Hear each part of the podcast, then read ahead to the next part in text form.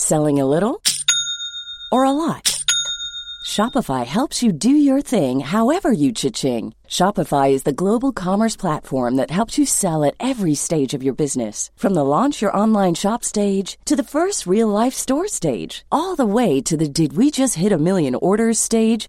Shopify is there to help you grow. Shopify helps you turn browsers into buyers with the internet's best converting checkout. 36% better on average compared to other leading commerce platforms because businesses that grow grow with Shopify. Get a $1 per month trial period at shopify.com/work. shopify.com/work.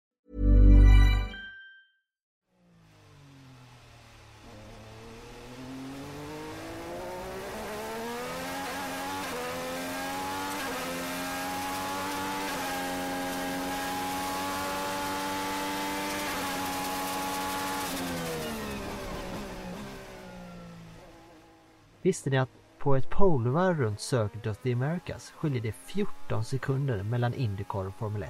Det intressanta där är ju att det är inte tiden man tänker på när man jämför två varv mellan Formel 1 och Indycar på den här banan. När man tänker på hur förarna så här brottas med sina respektive bilar så är det det som är det som fångar mig.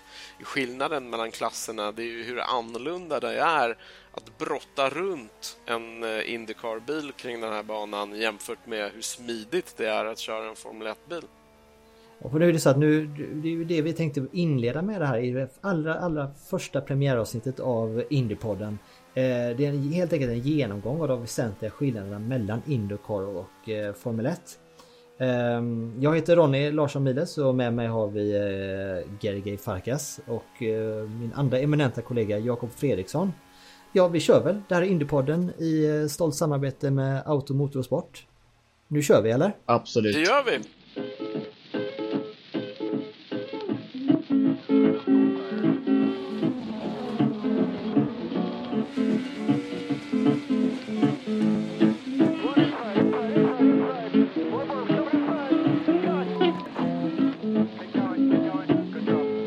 Said I wanna know where my easy rider gone.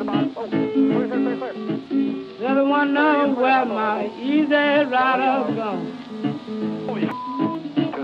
You're the easy rider, but you ride not so long. För det är ju verkligen så att jag tycker att det är ju en, en av de sakerna som många invänder på. Just det, att säga, ja men det är 14 sekunder långsammare. Det, det, är, det, är, ja, det, det är så otrolig skillnad så det, det är inte bra då. Men saken är att det är ju som att jämföra, det är verkligen att jämföra äpplen och päron. Det är inte samma sport överhuvudtaget.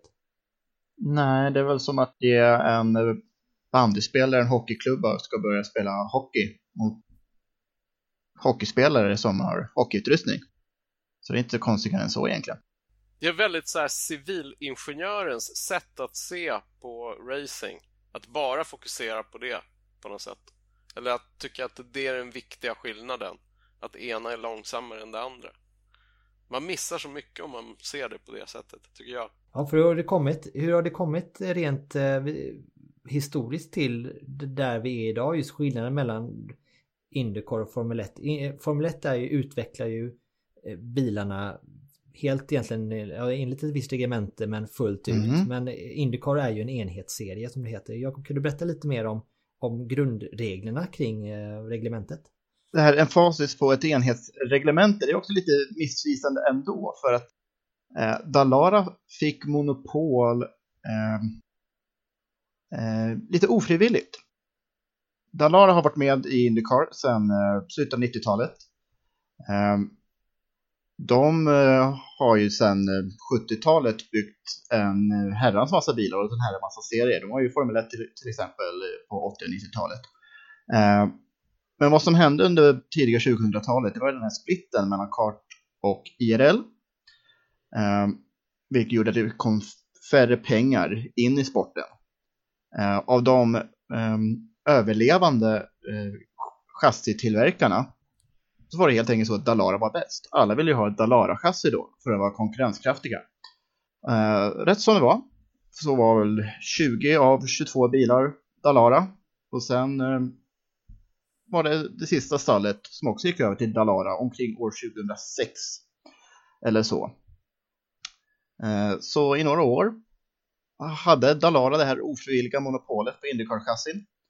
Eh, sen eh, blev det här chassit som de då använde gammalt, obsolet, de tjänade inga pengar på det. Så fram till säsongen 2012 så utlyste Indycar Eh, en tävling vilka som skulle få eh, bygga den nästa generationens eh, Indycar-chassi och där var det skrivet i regelverket att det skulle bli en enhetsklass då från 2012. Dalara gav det bästa förslaget på det nya chassit och sedan 2012 har Dalara haft det här monopolet nu helt frivilligt. De byggde också upp en fabrik i Indianapolis så att bilarna byggs på plats. Innan byggdes bilarna faktiskt i Italien. Eh, men det är också en ganska stor anledning varför Indycar-bilarna då är 14 sekunder långsammare. Man kan i och med det här enhetsreglementet eh, bestämma hur fort det ska gå. Jag tror inte det skulle vara något problem egentligen om man gav Nalara fria tyglar, bygg snabbaste bilen ni kan. Då skulle det säkert vara ett par sekunder snabbare Formel 1-bilar kanske. Eh, så just den här friheten de har, att det är ett enhetsreglemente, då kan man ju också bestämma hur konkurrenskraftiga bilarna ska vara eh, sinsemellan. Eh, det tror jag är snarare den största anledningen varför Indycar är så pass mycket långsammare på den här banan. Men det här är väl också en, en väldigt stor kostnadsfråga, eller hur Jakob? Absolut. Så det är väl ett av huvudskälen till varför Indycar överhuvudtaget gått åt det här hållet, för att man ville hålla kostnaderna någorlunda kontrollerade. Efter en tid då även Indycar byggde man ju egna bilar under en lång period, men någonstans så måste den här insikten vuxit fram att förr eller senare så hamnar man i en situation där man bränner enorma summor pengar utan att det egentligen tillför särskilt mycket till underhållningen. Exakt. Och det är väl där den här utvecklingen tog fart och verkligen organiskt lät den här enhetsseriestuket växa fram. Va? Absolut. Um, det är också en, en frihet som Indycar då har. Eh, att eh, eh, man kan bestämma vilka delar som ska vara exakt likadana för alla och då hålls kostnaden nere för alla. Nu har man ju eh, fria tyg, nu har ju stallen fria tyglar att utveckla stötdämpare och till viss del vissa komponenter i bromsarna och eh, Honda och Chevrolet konkurrerar ju mot varandra och bränner ju pengar där. Men för stallen så är det ju Eh, en, en säkerhet i att det är ett enhetsreglemente. Eh, Indycar kan då lite grann bestämma att det inte ska vara bara för dyrt, det ska inte gå för fort, det ska vara konkurrenskraftigt. Eh, det är, en, nyckelordet här. Eh, så att de bästa förarna, de bästa ingenjörerna verkligen kan eh, eh visa framfötterna och inte bara att det är pengarna som vi bestämmer vem som ska kunna visa framfötterna.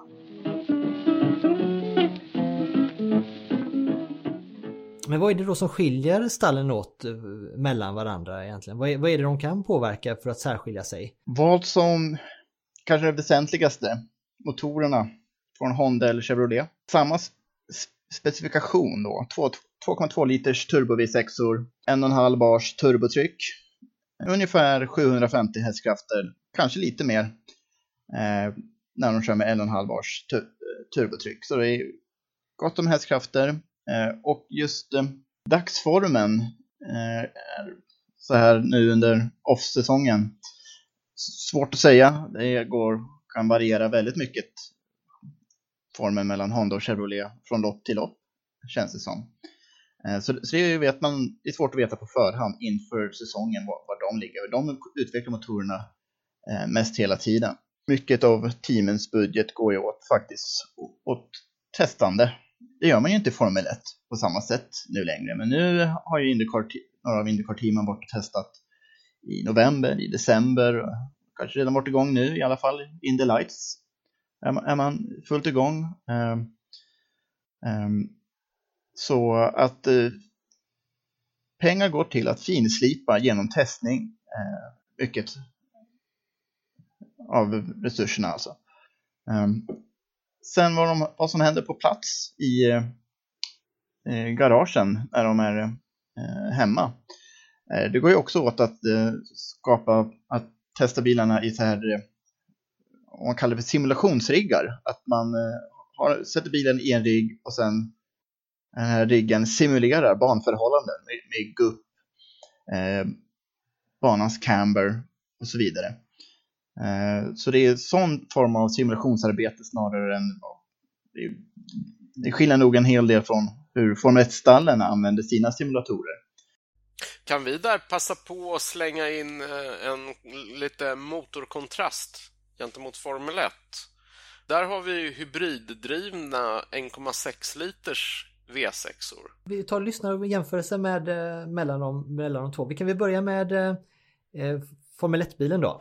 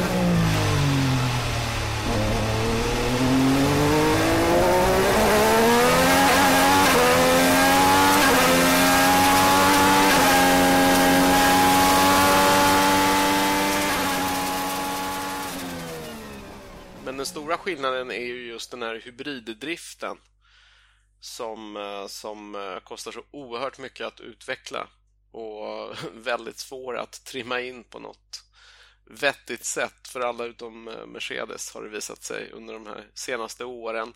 Det här är ju den formel vi har haft sedan 2014 i Formel 1. Så där kan man ju säga att Indycar-bilarnas eh, Indycar-bilarnas motorer är ju väldigt mycket enklare, mycket mer traditionella och kanske inte lika effektiva som eh, Formel 1-bilarnas drivpaket, hybridmotorer, är idag. Däremot har vi ju nu en förändring som kommer ske i Indycar. Ehm, just att de kommer också gå över till eh, hybridmotorer. Exakt. Det kommer nog dröja några år, för det finns ingen konkret plan. Men det är en ambition som jag tycker absolut att de borde jaga. Och det är också en väldigt intressant just trend att man har börjat ens att tänka i de banorna och att gå mot det med den ambitionen, uttalad ambitionen att göra det. Det är ju ett sett ur ett amerikanskt racingperspektiv där de kanske har lite andra prioriteringar än eh, i Europa kanske så, så är det ju en uh, intressant utveckling. Mm. Och då kan man också nämna det här att även om Honda är enda tillverkaren som då både representerad i Formel 1 och Indycar, men det är inte samma division av Honda som utvecklar Indycar Formel 1-motorer. I Indycar så är det amerikanska Honda som har tagit på sig det här själva, Honda Performance Development.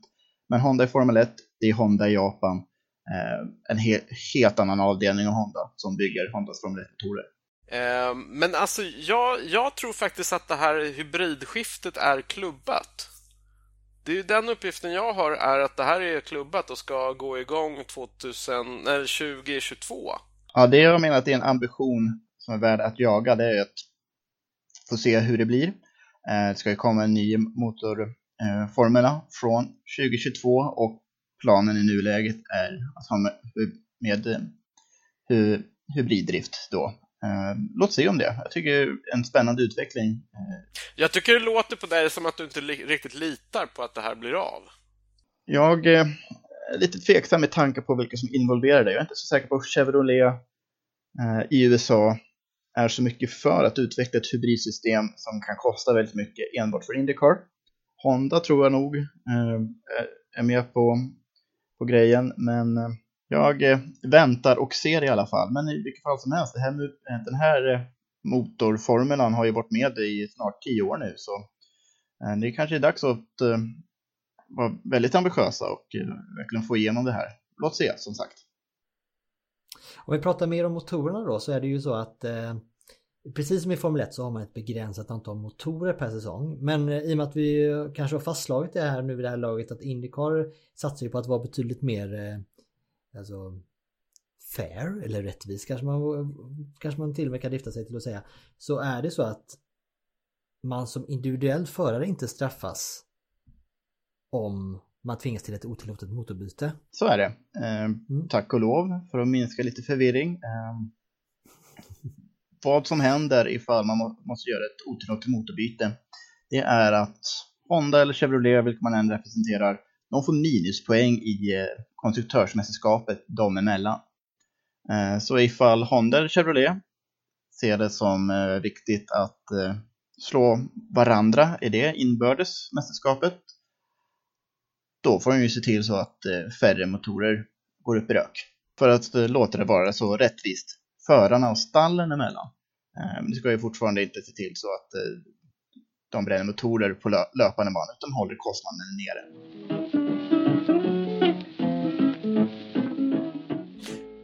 Tänker en annan sak om vi ändå är inne på det här och pratar om jämförelse Formel 1 och Indycar. Det är ju att de har ju som, som sporter valt så olika vägar som har lett till väldigt olika ställen inom motorsporten. Och så som Formel 1 ser ut idag så är ju, är ju klassen helt och hållet beroende av de biltillverkare som är involverade i sporten. Lite grovt uttryckt. Inte, inte oberoende av dem i alla fall.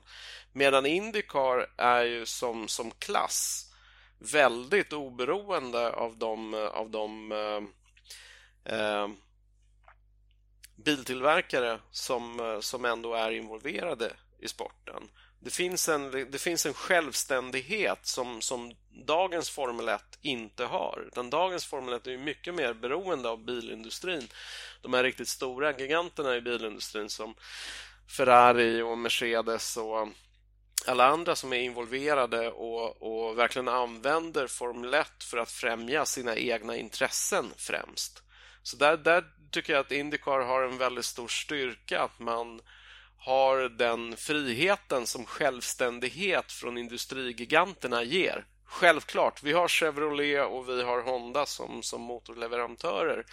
Men motorleverantörer kan komma och gå och även i så här skräckscenariot både Honda och Chevrolet drar sig ur så skulle det förmodligen, i alla fall i teorin, så vore det inte helt omöjligt att ersätta båda med en standardiserad motorleverantör som är en standardiserad motor som är specialbyggd just för, för Indycar och sporten eller klassen skulle klara sig ganska bra.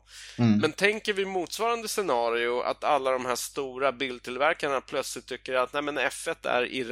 Det går inte att ösa miljarder på Formel 1 i den här formen och dra sig ur. Så tror jag att Formel 1 skulle befinna sig i ett mycket, mycket skakigare ställe än, än vad Indycar gjorde skulle göra i motsvarande situation.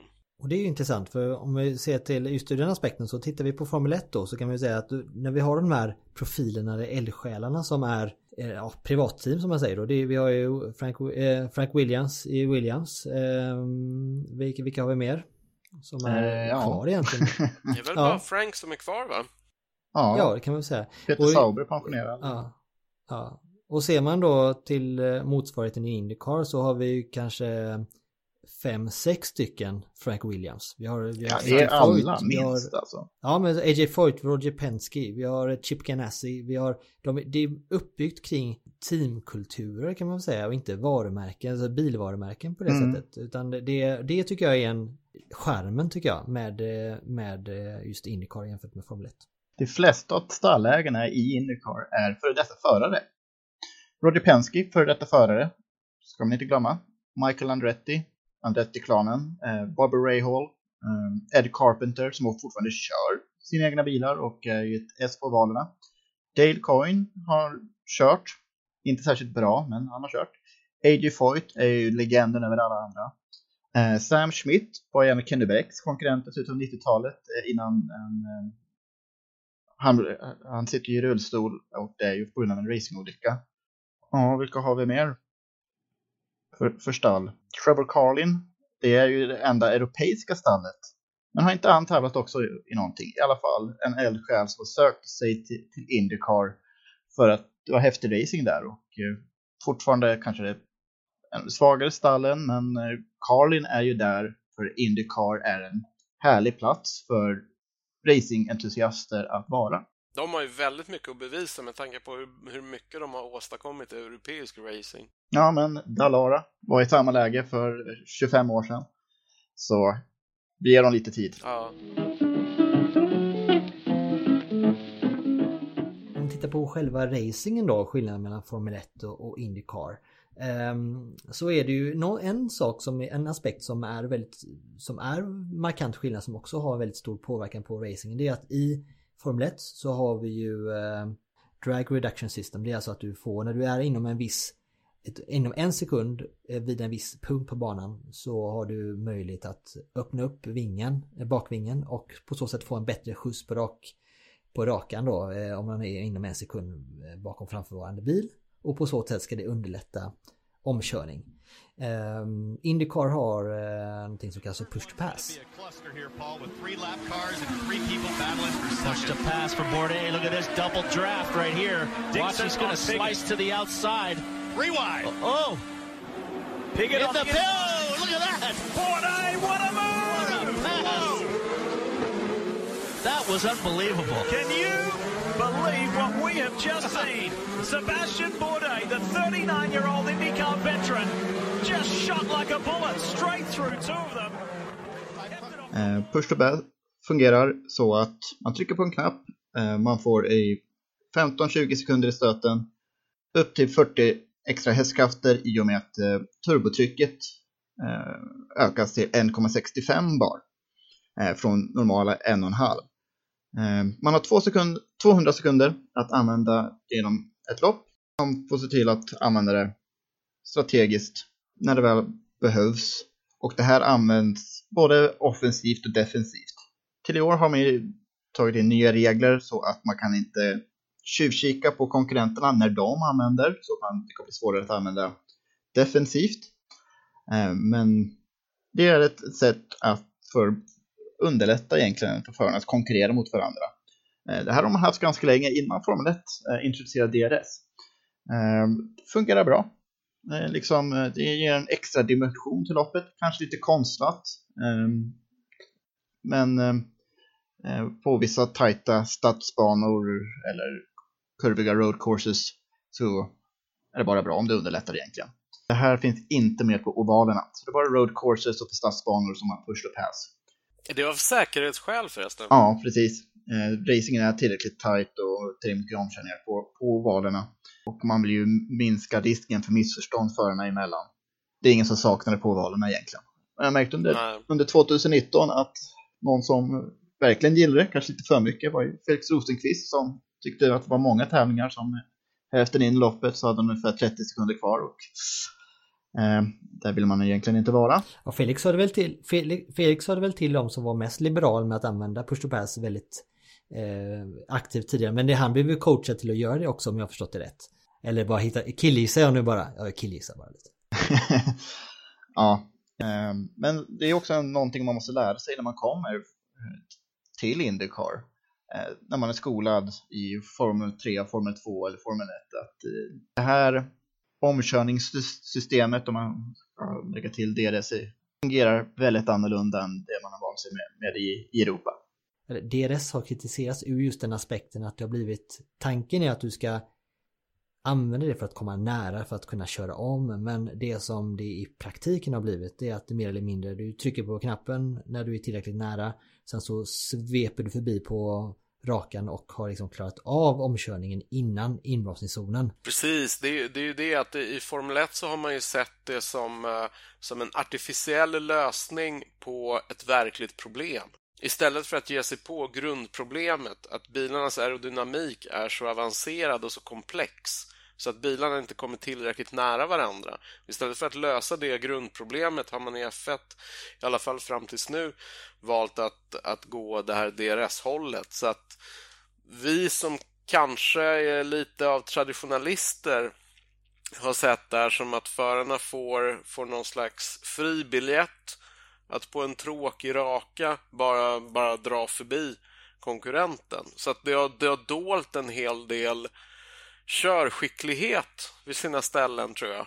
Där, där förarna inte har fått så här, kämpa sig förbi i de riktigt svåra partierna av banan utan istället väntat till, tills man kan eh, köra förbi i en DRS-zon. Och det, jag menar, speciellt som åskådare, det är ungefär lika roligt som att köra förbi en långtradare på E6. Det är ju liksom, det är inte en utmaning. Så på det sättet så tror jag att så som Indycars push-to-pass-system är uppbyggt så den förstör inte förarnas möjlighet att visa sin skicklighet i och med att de kan utnyttja det här vid så många fler mm, tillfällen runt banan. Vi går vidare till de mer eh, visuellt synliga skillnaderna eh, mellan eh, hur man bygger upp en racehelg i eh, Indycar jämfört med Formel 1 till exempel. Om vi, om vi börjar med själva en uppbyggnaden av en tävlingshelg då. Mm. I Formel 1 så har vi på fredag så har vi träning 1 och träning 2.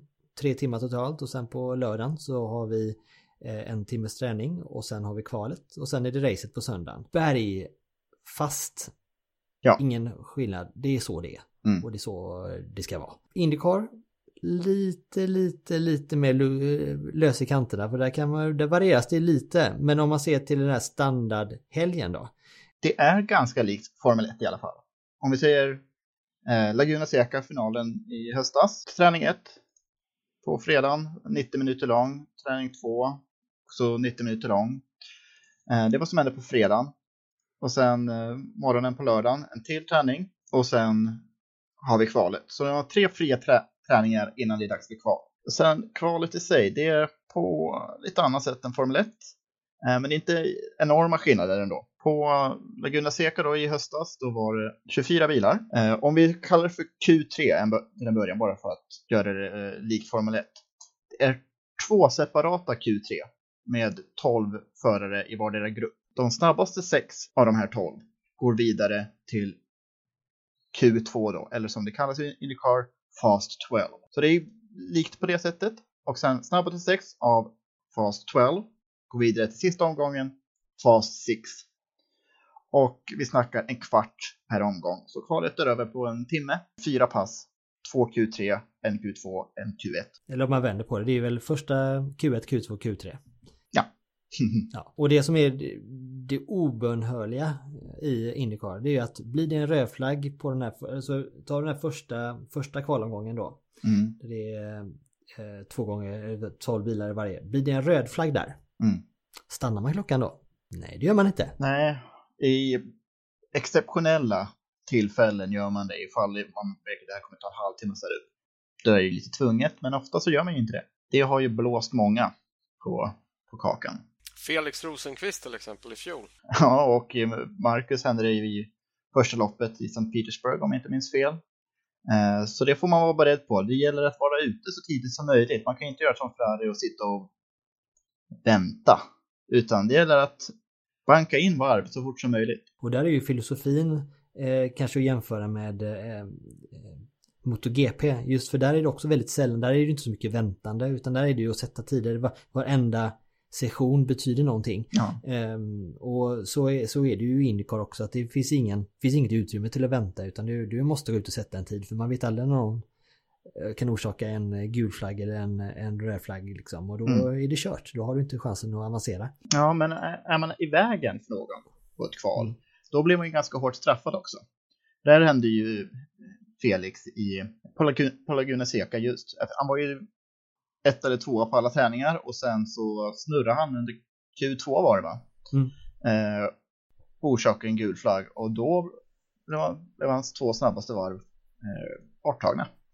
Till mm. exempel det här med eh, Nico Rosberg i Monaco. Han bromsade på sig på eh, slutet av kvalet och Hamilton fick lov att sakta ner på grund av en gul flagg. Rosberg fick ingen bestraffning för det. I Indycar så hade han ju blivit utkastad ur kvalet. Sen är det ju lite skillnad då. Vi har ju ehm, när det gäller just kvalförfarandet för eh, nu ska vi kanske gå in lite mer närmare på det när vi väl närmar oss Month of May och eh, Indy 500. Då ska ja. gå igenom kvalformat och allting i detalj. Men lite snabbt bara kanske vi ska nämna det att på valerna så gäller ju lite andra förutsättningar. Eh, bland annat då så är det inte över ett varv utan eh, snitthastighet över två varv. Ja, i Nascar har man ju faktiskt att alla kör samtidigt på kvalen på valen fortfarande och det blir ju ganska ofta rätt farsartat. Eh, men, men de är väl också så 38 bilar eller något på banan? Jo, jo. Men äh, Indycar har man alltid i alla tider gjort det enkelt för sig. En efter en, snabbast över två varv.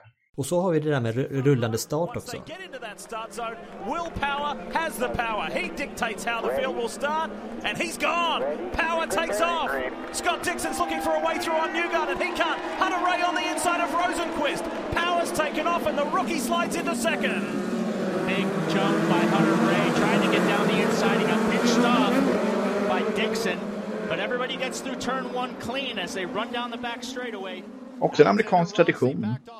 Eh, ett tag försökte man ha stående starter, men det blev mest kalabalik av det. Den här traditionen har bara funnits med sedan allra första Indy 500, liksom 1911. Om det är säkerhetsskäl eller om det är kulturella skäl, en del menar väl att det är säkrare med stående starter, andra hävdar att det är säkrare med rullande starter. Jag menar att det är en, bara en tradition som lyft med snarare än i Formel 1 där man tidigare år hade stående starter. Jag personligen tycker det är lite spännande när det är och imponerande när de kommer på eh, start och mål och de eh, och de bara bränner på rullande. Jag tycker det, det blir rätt spektakulärt det också. Så det är också att längden på loppen varierar ju. Eh, men det, det är ju överlag som jag vill säga att det, det är mm, det är längre, loppen är längre än i Formel 1. Ganska mycket längre, kanske man blir överraskad av. Men om vi tar loppet på eh, Road America som är ju den bästa av amerikanska road course-banorna. Loppet är ju då på 221 miles och det är ju 350 kilometer. Det är ju i alla fall fyra mil längre än något Formel 1-lopp. Det har, sätter ju egentligen högre krav på förarnas fysik än Formel 1. Eftersom bilarna har ju inte servostyrning heller, är ofta omodernare former av asfalt som de kör på, så det skumpar lite mer. Eh, så de här fyra extra milen som Indycar ofta kör ställer ganska höga krav. Och i och med att det är längre lopp också ehm, så eh, har de ju också fortfarande tankstopp kvar i eh, Indycar. Precis. Det beror inte bara på att det är längre lopp utan det beror ju på lite andra aspekter också. Att det ska mm. bli lite mer omkastningar och sådär. De har aldrig liksom eh, försökt skriva bort depåstopp eh, med regelverket som man gjort i Formel 1 på lite olika sätt. Men alltså tre, upp till tre och fyra stopp under ett lopp, eh, depåstopp eh, är ju inte ovanligt. Strategi blir ju ett väldigt särskilt spel i Indycar då. I Formel 1 så har man ju Pirelli som bygger däck för showens skull. Men i Indycar har man ju ofta dilemmat att antingen köra så hårt man kan Eh, då blir det tre stopp, om vi tar Road America som exempel. Eller försöker man spara och eh, klara loppet på bara två stopp. Eh, men då måste man ju köra snällare mot både däck och dra mindre bränsle. Och just det, och i, i Formel 1 så har vi ju Pirelli som däckleverantör. Vi har ju bara en däckleverantör i Indycar också, men då är det Firestone som ligger bakom dem. Och då är det inte massa olika däckblandningar att välja mellan, det är två stycken Eh, varje helg. Det är det röda som är det mjuka eh, och så är det det svarta som är det är lite hårdare. Det, där kan man faktiskt se en av likheterna med Formel 1 Indycar.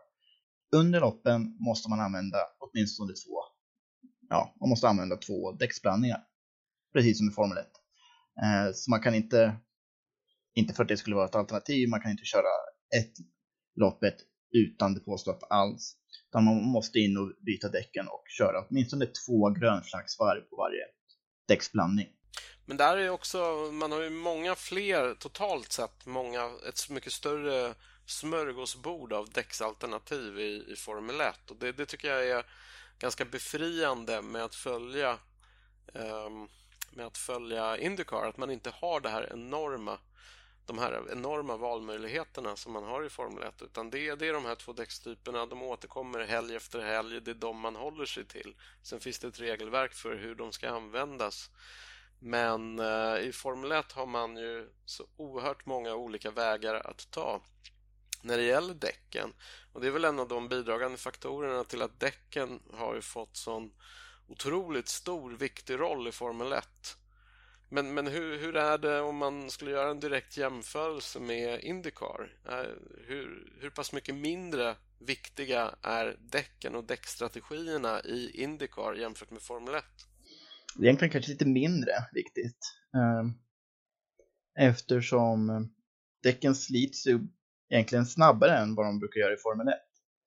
Eh, det gör ju att även om svarta kommer ta slut, medan i Formel 1 de hårdaste däcken där kommer ju sannolikt inte ta slut över loppet. Så oavsett om man kör röda eller svarta däck första stinten så kommer de vara ganska slut när det är dags att tanka. Ehm, så på så sätt så den strategiska skillnaden eh, det har med hur man använder bränslet, hur man använder push to pass. Eh, mer än eh, däcken. Ehm, ni kanske uppfattar det på lite olika sätt. Eh, det är alltid bra att veta vad ens favoritförare kör på. Om det är 20 varv kvar och eh, tanken räcker i 19 varv. Ifall de har röda däck så är det väl mer sannolikt att de eh, kör 10 varv, byter däck, tankar och sen sprintar 10 varv. Ifall din favoritförare har hårda däck på, då kanske försöker sträcka ut och klara de här sista 20 varven på 19 varv bränsle. Men spontan reaktion, Formel 1 så betyder däcken lite mer. Mm. Sen äh, upplever jag det som att äh, den mänskliga faktorn i Indycar när det gäller strategi är den är mer analog eller manuell. Det är otroligt mycket, alltså i, i Formel 1 så förlitar man sig otroligt mycket på äh, kalkyler, det är ingenjörsstyrt, det är väldigt liksom dator och räknar ut hur många varv man ska köra och när det är dags att gå in på för att ta sig i mål på snabba sätt liksom så. Eh, och det förekommer väl eh, i Indycar också men där är det mycket mer eh, erfarenheter på känsla tror jag när det gäller att fatta de här besluten. Eh, mm. När det är dags att komma in och när det, när det är snabbt man ska kalla in någon i samband med eh, eh beroende på incidenten som händer på banan och så. Man, man... Ja, man har, ju, man har ju foten och man får sluta pilla på push to pass-knappen. eh, men visst har man lite olika motormappningar och inställningar man kan leka med. Men mm. inte ens i närheten vad man har i Formel 1 med 50 ingenjörer som sitter på andra sidan Atlanten och eh, grejer på fabriken riktigt. Sen är det ju, om man gått vidare till eh, poängskörden så är den ju lite annorlunda också. Där är någonting som jag eh, faktiskt alltid föredragit Formel 1 system att kämpa för varje poäng. I Indycar får alla som kommer till start poäng till mästerskapet. Men det är lite, det är lite fräckt när man har 450 poäng, är det inte det? Eller 780? Det är, lite, lite, det är väl lite så här, let's go big. Ja, varför inte? Men äh, att äh, jag tänker på förr i tiden Formel 1 när bara de sex främsta och att det var en framgång att vara en poäng på schemat. Så menar det förr i tiden. En poäng, det var en framgångsrik säsong. Um, I Indycar, nuvarande eh, systemet som har funnits med senaste 20 åren, minst.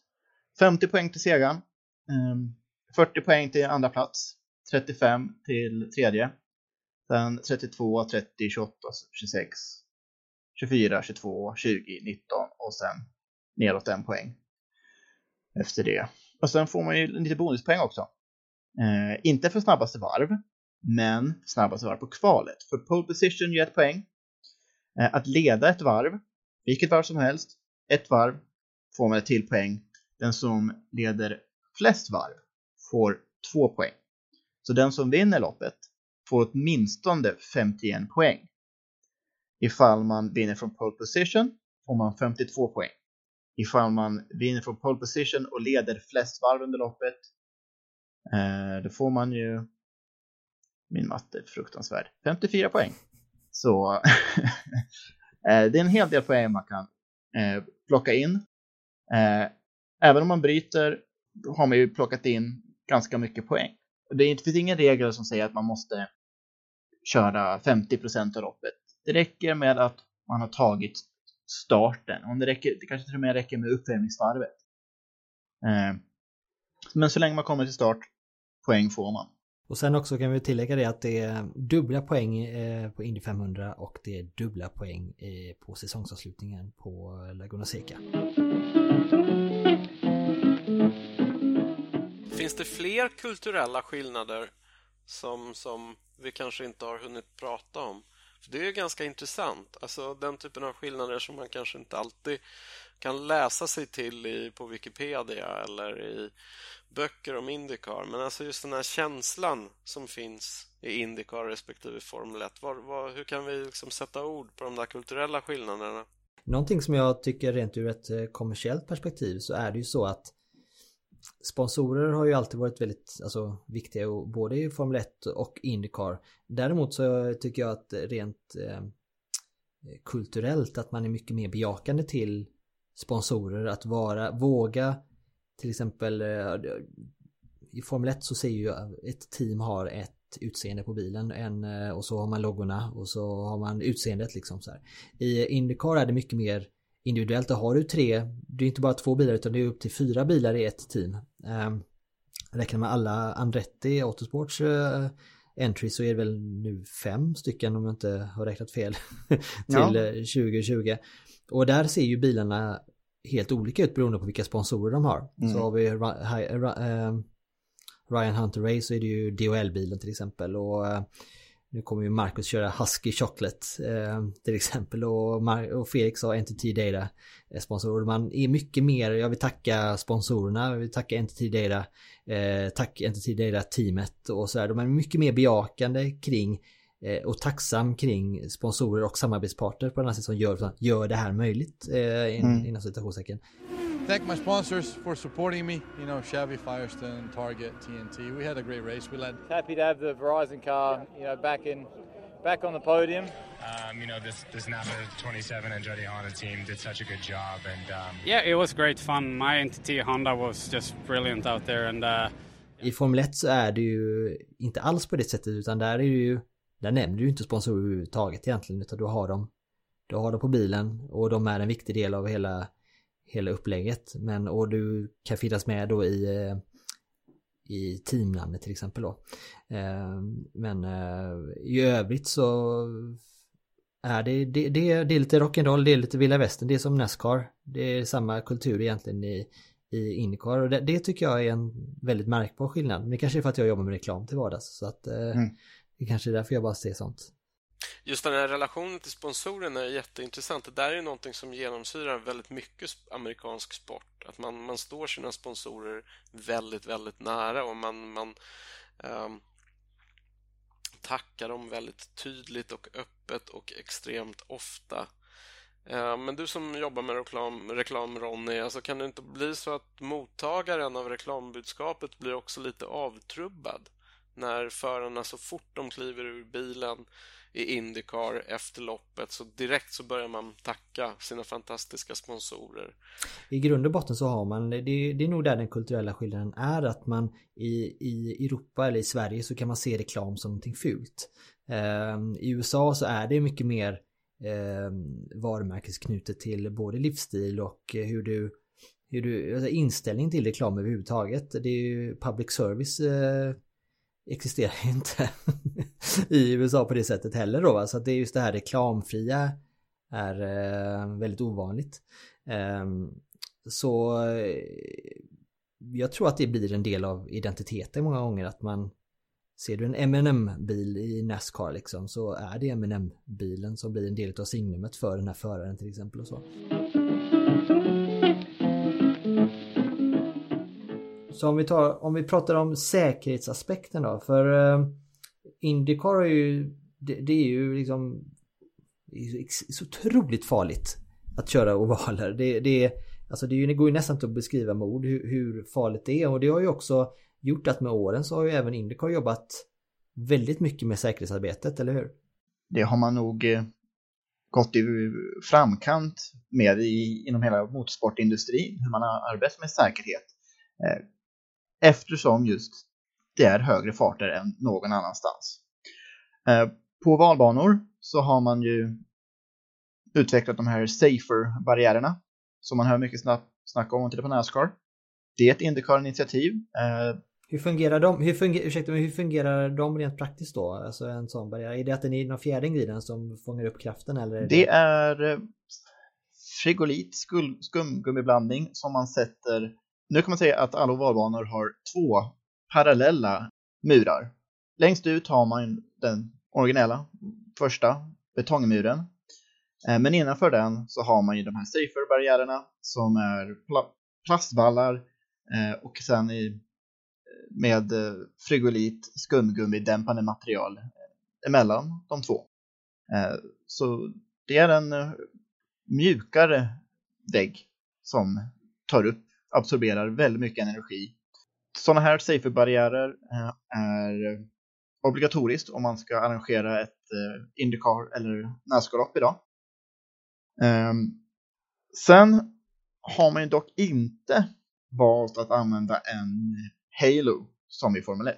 Utan till 2020 har man en aeroscreen. Det är en vindruta på en Indycar-bil. Från sidan tycker jag den ser ganska cool ut. Framifrån däremot om man tar en ganska låg, i ett lågt perspektiv lite, och då är sidan då är den extremt eh, framträdande. Men som sagt, skitsamma hur den ser ut. Huvudsaken är att den gör jobbet. Vilket eh, de flesta har ju varit väldigt, väldigt positivt inställda till den också. Eh, förarna som har testat den har ju varit väldigt positiva och inte, så att inte ens tänkt den, på det det är ju en säkrare lösning också. Mm. För en Halo tar bort stora grejer, däck, andra bilar, men en, en vindruta tar ju bort allt småkraft. Eh, stötdämpare, kolfiberbitar som kommer flygandes. Eh, så att det, det, är en eh, mer långsiktig lösning, tycker jag det som. Det kan nog komma den dagen då Formel 1 också har en vindruta på bilen snarare än den här halen. Sen har ju var faktiskt eh, Kart, Indycar, Jusac på den tiden till och med före Formel 1 med att ha ett dedikerat eh, medicinskt team med på alla banor. Sen 70-talet har eh, ett kringresande team av läkare, sjuk, sjuksyrror och eh, annan personal följt med varenda Indycar-lopp. Eh, bara för att få förarna tryggare och se till att det är kompetenta händer eh, skadade alltid kommer hamna i ifall de är på en Indycar-tävling. Förare eller publik så är det alltid ett eh, väldigt kompetent lag som har utvecklat många knep på hur man tar hand om förare. Eh, eh Methodist Hospital i Indianapolis har ju blivit världsledande när det gäller eh, benbrott och eh, ryggskador eftersom många racerförare som har kraschat på Indianapolis har brutit ben eller skadat ryggar hamnat på, på det sjukhuset och eh, det, här, det här läkarteamet har precis som hela Indycar-cirkusen haft Indianapolis som eh, hemstad. Brandsäkerheten tycker jag är rätt intressant. För man kör ju på eh, E85 etanol idag. Men redan på 60-talet gick man över från bensin till metanol istället. Eftersom metanol det eh, må brinna osynligt, så det är ju rätt läskigt. Eh, det har man ju sett att eh, förare får springa från bilen trots att man inte ser lågorna. Men metanol är inte lika antändligt som vanlig bensin faktiskt. Så det var säkerhetstänk från 60-talet som levde med fram till man började använda etanol för ungefär 10 år sedan. Så. Brinner fortfarande utan lågor men säkrare. Eftersom man fortfarande har tankstopp så är ju fortfarande eh, bränsles säkerhet ganska viktigt för det kan ju ske spill. Det är därför man ser de här, de här efterspruten som kommer efter tankstoppen, eller hur? Exakt. Eftersom man ser ju inte lågorna så att eh, säkrare för osäkrare. Eh, Ett säkerhetssprut helt enkelt. Ja, skvätter ner bilen lite grann så att eh, det inte skulle, så det inte händer något. Undrar, undrar om det är en teamroll.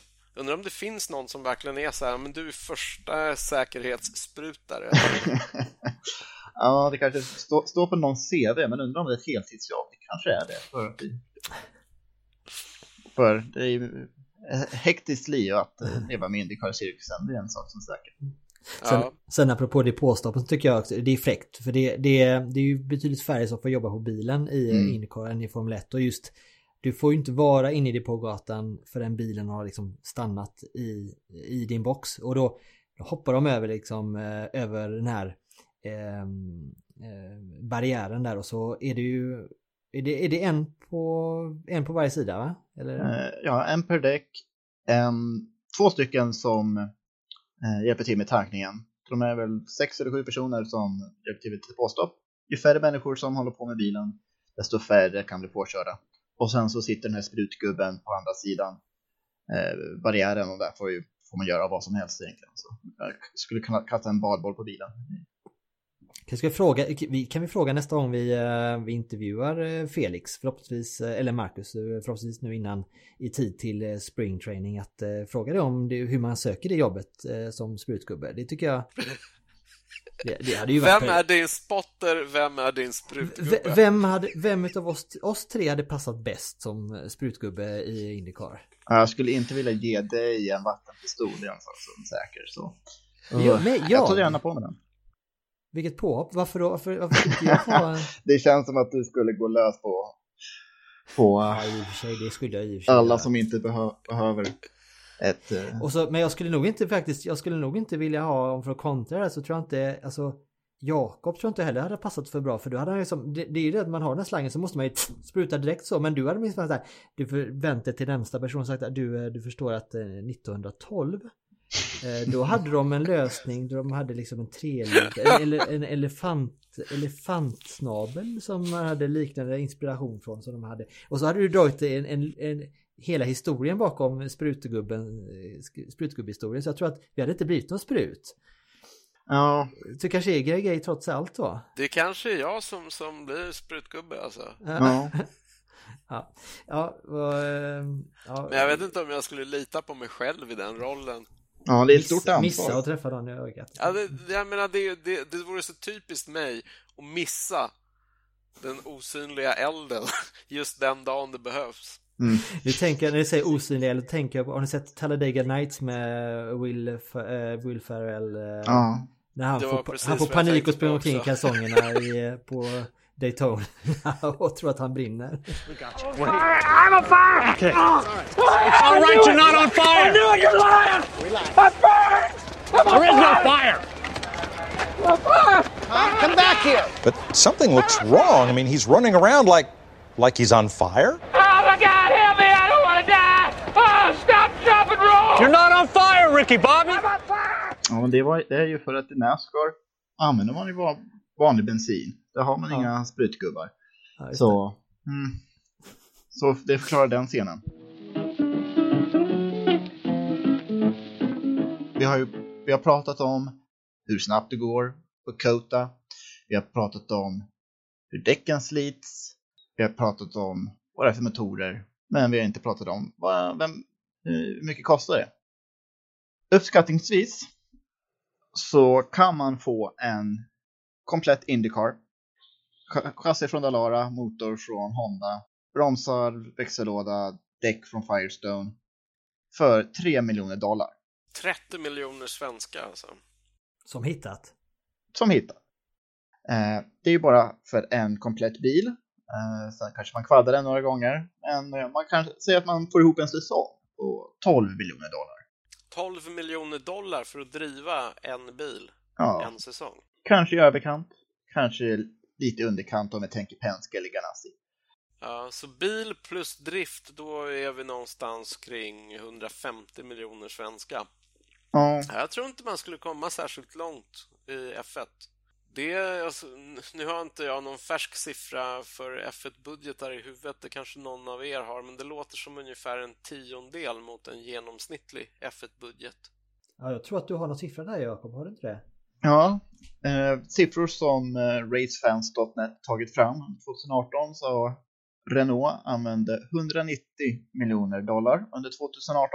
Som hittat. Eh, exklusive motorerna. Så då är inte motorbudgeten inräknad.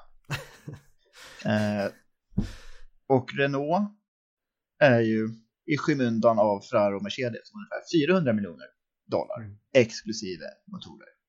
Sen så är prispengar är en mycket större grej i amerikansk racing generellt. Så även i Indycar jämfört med, med Formel 1. Det, det tycker jag är, är, rätt intressant att man inte har gått den vägen i Formel 1, att man inte pratar prispengar. Eh, apropå kultur och tradition. Jag tror att det är mest kultur och tradition som hittills i alla fall har hållit det borta från Formel 1. Medan det är ju jättestort i princip i all amerikansk racing. Så står man och viftar med stora checker efter de stora segrarna och visar hur mycket den här första, andra eller tredje platsen faktiskt har givit i plånboken direkt till föraren. Mm. Det är ju rätt intressant. Till exempel då Simon Pagenaud vann 2,7 miljoner dollar. Eller 2 miljoner 669 529 dollar. Väldigt exakt summa efter sin seger på Indy 500 förra året. Eh, totalt så delar man ut lite drygt 13 miljoner dollar i prispengar på Indy 500. Bara att vi har den siffran ute eh, säger en del om amerikanska racingkulturen. Medan hitta vad eh, Hamilton tjänade efter Monacos GP samma dag. Jag tror inte att man ens kan göra det på något sätt. Ja men ska vi, ska vi nöja oss eh, med det här för den här gången då? Vi, vi har ju hunnit med väldigt mycket så det tycker jag nästan. Ja men vad, vad roligt det här var. Eh, nu är det ju så att vi eh, vi tänkte ju faktiskt nu i efterhand här nu, eh, en del av hela det här programformatet är ju egentligen att vi vill att det ska vara till stor del eh, lyssnarstyrt, alltså att man ska kunna skicka in frågor till oss. Om man har det som har frågor till oss och som vi kan försöka bena ut eh, om Indycar. Men också att eh, man kan ställa frågor till eh, våra gäster och eh, för vi tänkte ha lite gästpoddare och eh, eh, eh, intervjupersoner och så här eh, från motorsportvärlden eller från Indycar-världen också då. Eller framförallt. Um, så jag tyckte liksom, sök på Indypodden och följ oss på alltså, Instagram och på Twitter och på Facebook. Uh, för där kan ni ställa frågor direkt till oss då via, via PM. Uh, och även ni kan mejla oss då om ni går in på indypodden.se. Följ oss överallt. Ska vi säga tack, tack till Automotor och Sport än en gång till för eh, att de är med och hjälper oss. Ja, och tack till alla som har lyssnat. Fan, det börjar närma sig nu ändå. Det kändes som när det, det var säsongsavslutning så var det verkligen vad ska vi göra nu? Men eh, så nu, gör vi, nu gör vi podd och så närmar det sig. Det är ju snart springtraining och då drar vi igång på allvar tycker jag. Ja, yes. absolut. Det, börjar... det luktar vår. Det luktar vår. Det luktar racerbil. det luktar racing. Ja, ha det gött. Hej. Detsamma. Hej.